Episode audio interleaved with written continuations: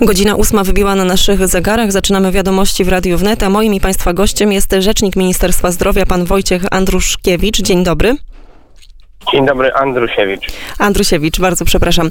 E, Warszawa trafi do strefy żółtej. E, Co zmieni się dla mieszkańców stolicy?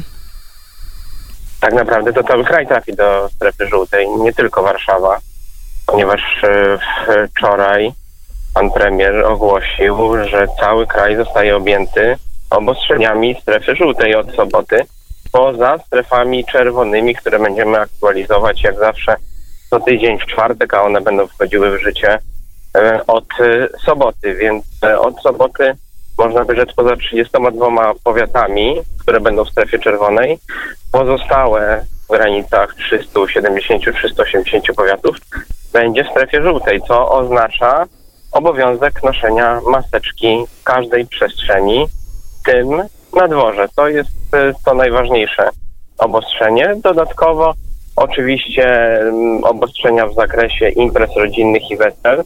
Tutaj jest pewne vacatio legis i te obostrzenia wejdą w życie dopiero od kolejnej soboty, tak żeby wszyscy się mogli przygotować. I tutaj na weselach i imprezach rodzinnych w strefie żółtej mamy 75 osób maksymalnie. To te dwie najistotniejsze rzeczy, ale oczywiście dodatkowo dochodzą ograniczenia e, widowni w kinach czy w teatrach, ale najważniejsze dla nas od soboty to jest to, że nosimy wszędzie maseczki. Wszędzie, to znaczy, że w miejscach mniej zatłoczonych, takich jak na przykład y, park czy las, e, te maseczki parkach, również... w lasach i zieleńcach nie nosimy maseczek, uprawiając sportu też nie nosimy maseczek. W pozostałych miejscach tak. A jak wygląda e, to, to z, z, sprawa z mandatami? Człowiek ma prawo odmówić e, przyjęcia takiego mandatu. Wiemy, że tutaj Sanepid może nałożyć karę nawet do 10 tysięcy złotych. E, Czy państwo będą takie kary nakładać, przewidują nakładanie takich kar i egzekwowanie ich? Ministerstwo Zdrowia nie nakłada kar, bo Ministerstwo Zdrowia nie jest od egzekucji przepisów prawa. Od egzekucji przepisów prawa jest e, policja, jest e, Straż Miejska, Straż Gminna.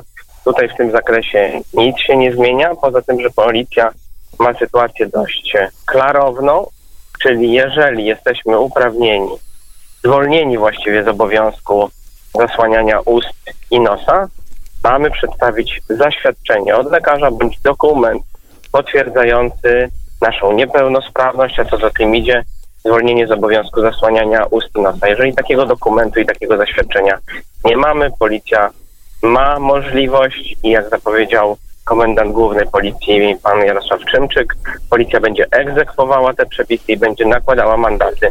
Mandat najczęściej policyjny to jest do wysokości 500 zł. Natomiast jeżeli chodzi o lokale, podmioty, które nie będą przestrzegać reguł prawa, czyli na przykład jeżeli ktoś zechce sobie zorganizować dyskotekę czy imprezę w pubie bądź e, restauracji, policja będzie przekazywać sprawy do e, Sanepidu. Sanepid ma możliwość nałożenia mandatu w wysokości 30 tysięcy złotych.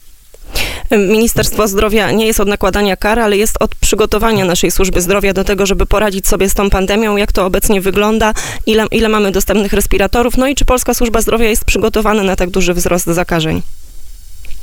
My cały czas e, aktualizujemy przygotowanie naszych e, szpitali i działamy wyprzedzająco. Jeszcze na wczoraj mieliśmy w granicach 9,5 tysiąca miejsc szpitalnych dla pacjentów covidowych. Tą liczbę miejsc będziemy zwiększać. Wojewodowie wydają decyzje dotyczące powołania 16 szpitali na wzór szpitali jednoimiennych, które działały na wiosnę.